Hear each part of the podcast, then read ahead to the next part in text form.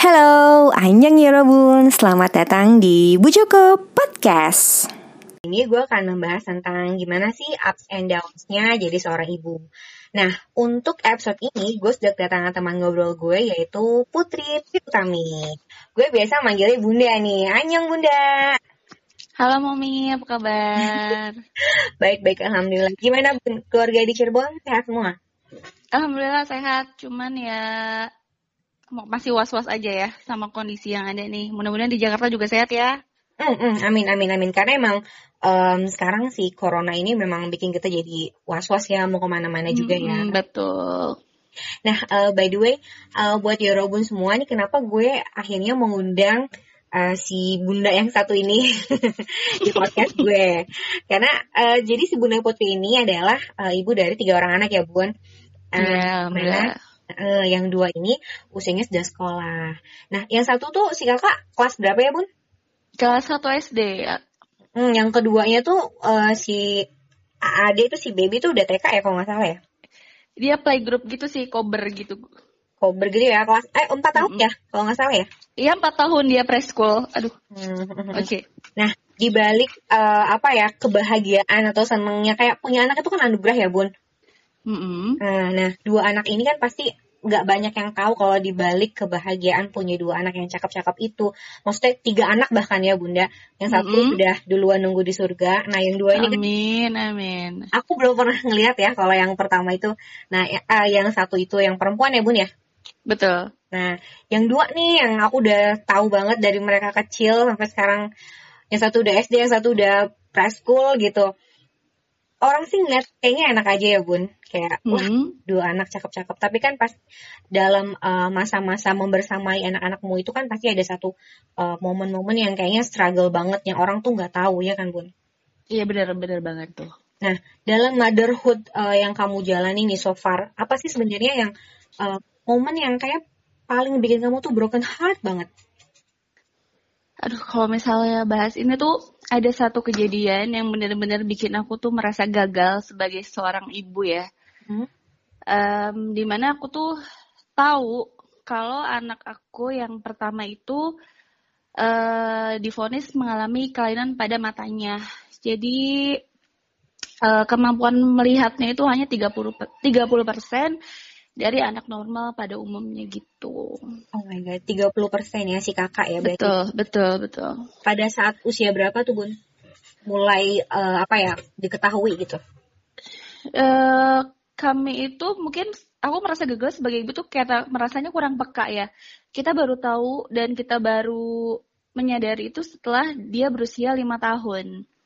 Lima tahun uh, ya? Eh, betul. Awalnya kok dia kalau nonton TV kok asa kayak deket gitu. Terus kalau kita minta tolong ambilin barang kayak yang loadingnya lama uh, sampai kukira ini anak kenapa ya? Cuman uh, masih yang ah paling dia um, memang nggak lihat atau gimana kita nggak hmm. yang tindak lanjut. Tapi pas sekolah sih kita baru nyadarin kok ini anak uh, nonton TV terus ke papan tulis harus deket-deket. Itu kenapa? Akhirnya kita kontrol deh bawa dia ke dokter anak uh, spesialis mata anak. Mm. Nah, uh, jadi untuk Yorobun, Bunda Putri ini punya anak yang pertama itu memang dia menggunakan kacamata gitu kan.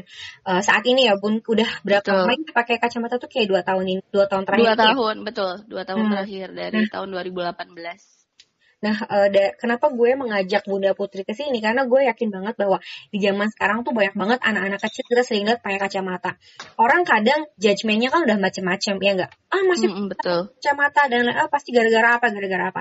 Nah, gue pengen tuh di sini lebih banyak ibu-ibu yang kemudian setelah mendengar penjelasan dari Bunda Putri bahwa ternyata mm. semua masalah mata pada anak-anak pakai kacamata terus ternyata masalahnya adalah gadget gitu nggak nggak melulu soal itu ya kan bahkan yeah, ternyata uh, si kakak Biu ini uh, ketahuan pada satu usia lima tahun itu ada kelainan di mata yang mana mm-hmm. uh, hanya 30% ya melihatnya. Betul, betul.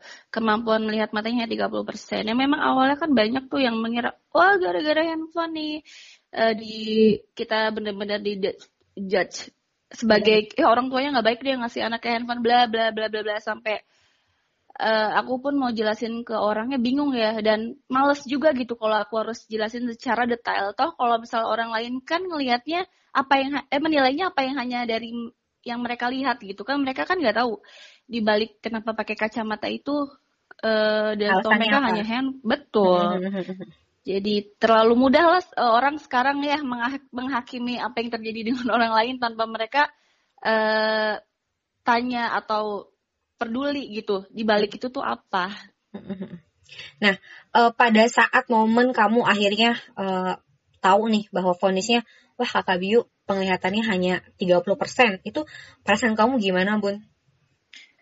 Aduh, perasaan pada saat itu tuh aku yang pertama itu cuma bisa nangis, bingung, bingung harus ngapain karena pada saat itu kan kita ke dokter mata uh, dewasa ya, umum gitu sifatnya. Aku nggak tahu harus ke dokter mata anak tuh di mana. Uh, nggak ada bayangan gitu. lah, betul. Sama sekali nggak ada bayangan uh, suami pun juga bingung. Tapi pada saat itu disarankan dokternya bagaimana kalau ke rumah sakit uh, mata yang di Cisendo itu. Jadi memang rumah sakit khusus mata. Dan di situ, wah aku aku tuh butuh waktu hingga berbulan-bulan untuk kayaknya yang bikin diri aku ya bisa menerima gitu. Ya sekarang ya mungkin bukan hanya aku, mungkin ketika orang tua mengetahui anak memiliki kekurangan pasti yang paling kayaknya menyalahkan diri sendiri dulu pastikan ya. Iya. Kenapa? Padahal saya sudah minum vitamin, pasamil, saya sudah melakukan yang terbaik untuk anak, tapi kok hasilnya seperti ini gitu. Ketika ngelihat anaknya pakai kacamata pun, aku sampai yang, aduh, kayaknya hatinya tuh kayak yang aduh kalau misalnya bisa ditukar matanya mah mending pakai mata aku aja gitu. Aduh gimana aduh jadi berkaca-kaca. Jadi aduh, flashback ya. bun karena walau iya, gimana uh, da, apa perjalanan dari usia lima tahun itu kan sekarang udah aku ngeliat banget gitu kayak bunda setiap uh, posting kalau misalnya si kakak lagi cek ke dokter dan lain sebagainya hmm. Kerja keras itu pasti berbuah manis banget gitu loh ya. Betul. Jadi kalau inget-inget ke masa lalu itu aku tahu pasti lumayan sentimental ya. iya, dan tapi aku bersyukurnya anaknya tuh kuat hmm. anaknya tuh ketika aku yang ada down banget dan aku bersyukur punya suami juga yang support dan aku hanya yang bikin aku semangat tuh kata-kata Biu gini bunda aku pasti akan sembuh bunda tidak tidak usah sedih uh, aku akan melakukan apa pun agar mataku sembuh. Aku tidak akan bermain handphone. Uh, aku harus akan minum obat. Aku akan menjalani terapi. Dan dia tuh benar-benar anak yang masya allah ya uh, nice ya. betul. Ketika dia aku uh, pakai kacamata aja tanpa kita harus paksa. Kakak kakak pakai kacamata yang nggak ada drama dia menolak untuk pakai kacamata itu nggak ada. Hmm. ketika terapi juga dia itu kooperatif banget. Aku masya allah banget. Aku bersyukur uh, di saat mungkin anak lain kayak yang pakai kacamata itu kayak merasa risih mungkin ya. Kalau anak lain aku lihat kayaknya perjuangan banget orang tuanya untuk maksa anaknya pakai kacamata anakku tidak. Hmm. di situ aku benar-benar ya Allah ya Allah mudahkan gitu. Insya Allah kalau kitanya ikhlas ya jalaninnya toh eh, aku sih anggap rezeki sih. Apa keku pasti di saat ada kekurangan pasti anakku punya kelebihan. Hmm. dan kita tinggal menerima aja dengan ikhlas gitu sih Iya, iya benar-benar. Nah, lalu kan uh, otom apa langkah pertama kamu berarti acceptance ya. Jadi kamu menerima Betul. dulu kondisinya si kakak Biu itu.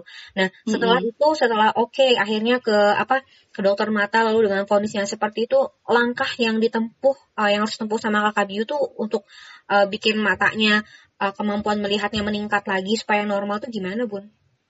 Itu pertama kali kita kan diobservasi tuh. Pas pertama kali ke rumah sakit itu kita diobservasi dari jam 9 pagi sampai jam 4 sore.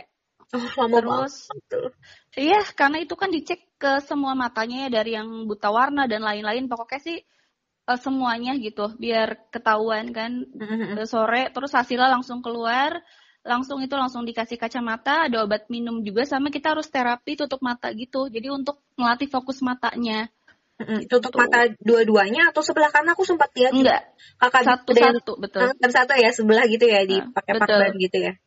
Uh -uh. dan itu se satu jam setiap satu jam sih sehari. Jadi kanan kiri saat salah kanan dulu kita kasih satu jam baru kirinya satu jam. Dan alhamdulillah ya dua tahun kita pengobatan dan terapi itu dari yang 30 persen, 50 persen, dan kemarin baru banget pas tanggal 6 itu dia sudah bisa 80 persen perkembangannya. Aku bersyukur sih. Itu kayak Betul. kerja keras, bener kan bahwa emang hmm. uh, usaha tuh nggak apa hasil tuh nggak mungkin mengkhianatin usaha yang udah kita lakuin gitu kan betul betul apalagi untuk anak mah kita total deh pokoknya ya mm-hmm. apa yang kita bisa lakuin kita lakuin tapi bu uh, yang apa terapi tutup mata sebelah itu memang dilakukannya hanya boleh di uh, rumah sakit di dokternya atau bisa dilakukan di rumah sendiri sih bu kalau yang tutup mata itu di rumah kebetulan kalau yang di rumah sakit itu uh, observa lebih ke observasi ya sifatnya. Jadi kalau di rumah sakit itu hanya di kayak dicek mata. Kalau yang terapinya itu di rumah, Mom. Oh, di rumah ya? Oh, jadi Betul. emang berarti emang uh, apa ya harus uh, effort juga dari orang tuanya ya. Kita nggak bisa Betul. hanya mengandalkan uh, apa uh, pengobatan dari rumah sakit atau treatment dari dokternya gimana, tapi di rumah juga harus orang tuanya juga harus ngebantu untuk uh, apa ya menyempurnakan lah ya, betul. untuk istilahnya ini kan KKB bukan sakit ya, tapi kayak untuk menyempurnakan uh, penglihatannya gitu loh. Betul, betul, iya. Dan sekali lagi ini, uh, maksudnya KKB ini bukan karena emang gadget talk gitu, tapi yang 30% itu otomatis bawaan dari bayi ya kalau nggak salah ya. Betul, betul. Ya. Uh, bawaan dari bayi. Jadi hmm, aku tuh kurang paham sih ya penyebabnya kenapa kan kadang orang juga nanya kenapa sih penyebabnya? Aku juga bingung menjelaskan kenapa hmm. karena dokternya juga bilang uh, kami juga untuk menjelaskannya itu juga bingung penyebabnya apa dan butuh observasi lebih lanjut. Dan aku pikir tidak usah cari penyebabnya kenapa, yang penting fokus ke depannya anak kita harus uh, dilakukan apa gitu langkah ke depannya. Betul betul. Karena capek juga ya kita sekarang nggak lihat ke belakang juga. Kalau yang aku alamin malah ketemu ke Kabio ya dia ya kayak anak-anak biasa aja gitu loh. Hmm, gak kebayang juga dia ada ada masalah di penglihatannya pada saat dulu ya kan kita waktu mm -hmm. di bawah lima tahun lah ya waktu sama-sama Cirebon gitu. Nah mm -hmm. uh, setelah apa ya maksudnya dengan perjalanan panjang itu terus Biu harus apa ya maksudnya mengalami perubahan yang cukup drastis ya dalam kehidupan jadi kayak dia harus pakai kacamata ke mana-mana mm -hmm. dia mm -hmm. jadi mulai uh, otomatis juga mulai aware kan oh berarti selama ini tuh memang ada yang salah sama aku gitu mungkin dia mm -hmm. selama ini dia nggak paham juga kenapa ya kok aku ngelihat satu objek tuh nggak jelas atau gimana. Nah, dia kan pakai kacamata nih. Bagaimana sih cara membuat uh, bunda tuh bagaimana cara bunda untuk membuat Biu tuh kemudian jadi percaya diri gitu. Karena kan pasti nggak nyaman dong kita aja yeah. kita dewasa pakai kacamata tuh apa ya males-malesan gitu loh. Betul betul. Butuh yeah. cemas kan kayak berembuk mm -hmm. turun naik lah gitu. Betul. Gimana bunda membuat kakak Biu pede ngejalanin uh, semua perubahan yang harus dialamin. Ya, jadi awalnya itu aku awal banget karena dia harus pakai kacamata, aku kasih dia kesempatan untuk bisa milih kacamata yang dia mau. Jadi oh, kayak kan, modelnya ya? Betul. Eh, waktu itu kan karena kita juga nggak tahu gitu, e, harus pilih kacamata yang seperti apa kan namanya juga. E, dia punya pilihan lah. So kakak mau pilih kacamata yang seperti apa, yang nyamannya anak lah. Kalau kita kan kita aja dewasa kadang kacamata tuh terlalu berat, terlalu keras gitu kan atau gimana. Jadi aku kasih kenyamanan sama dia untuk pilih. Jadi ketika dia suka kacamatanya kan dia ya nyaman dan mungkin karena dia selama ini melihatnya buram kan dan pakai kacamata itu jadi lebih jelas tanpa kita paksa tanpa kita apa dia itu uh, mau pakai. Ya nyaman dan sebenarnya agak kurang percaya diri juga dan waktu itu ayah cuma bilang kakak ganteng kok pakai kacamata? Gitu. Uh, apa sih dulu kan dia suka Doraemon Nobita gitu ya uh, ayah kok jadi kayak Nobita ya dia dan kita semua oh iya jadi kayak Nobita. Jadi kita ya Support kita canda-candain betul. Tapi ada satu momen di saat dia benar-benar tidak pede. Oh iya. Waktu itu betul.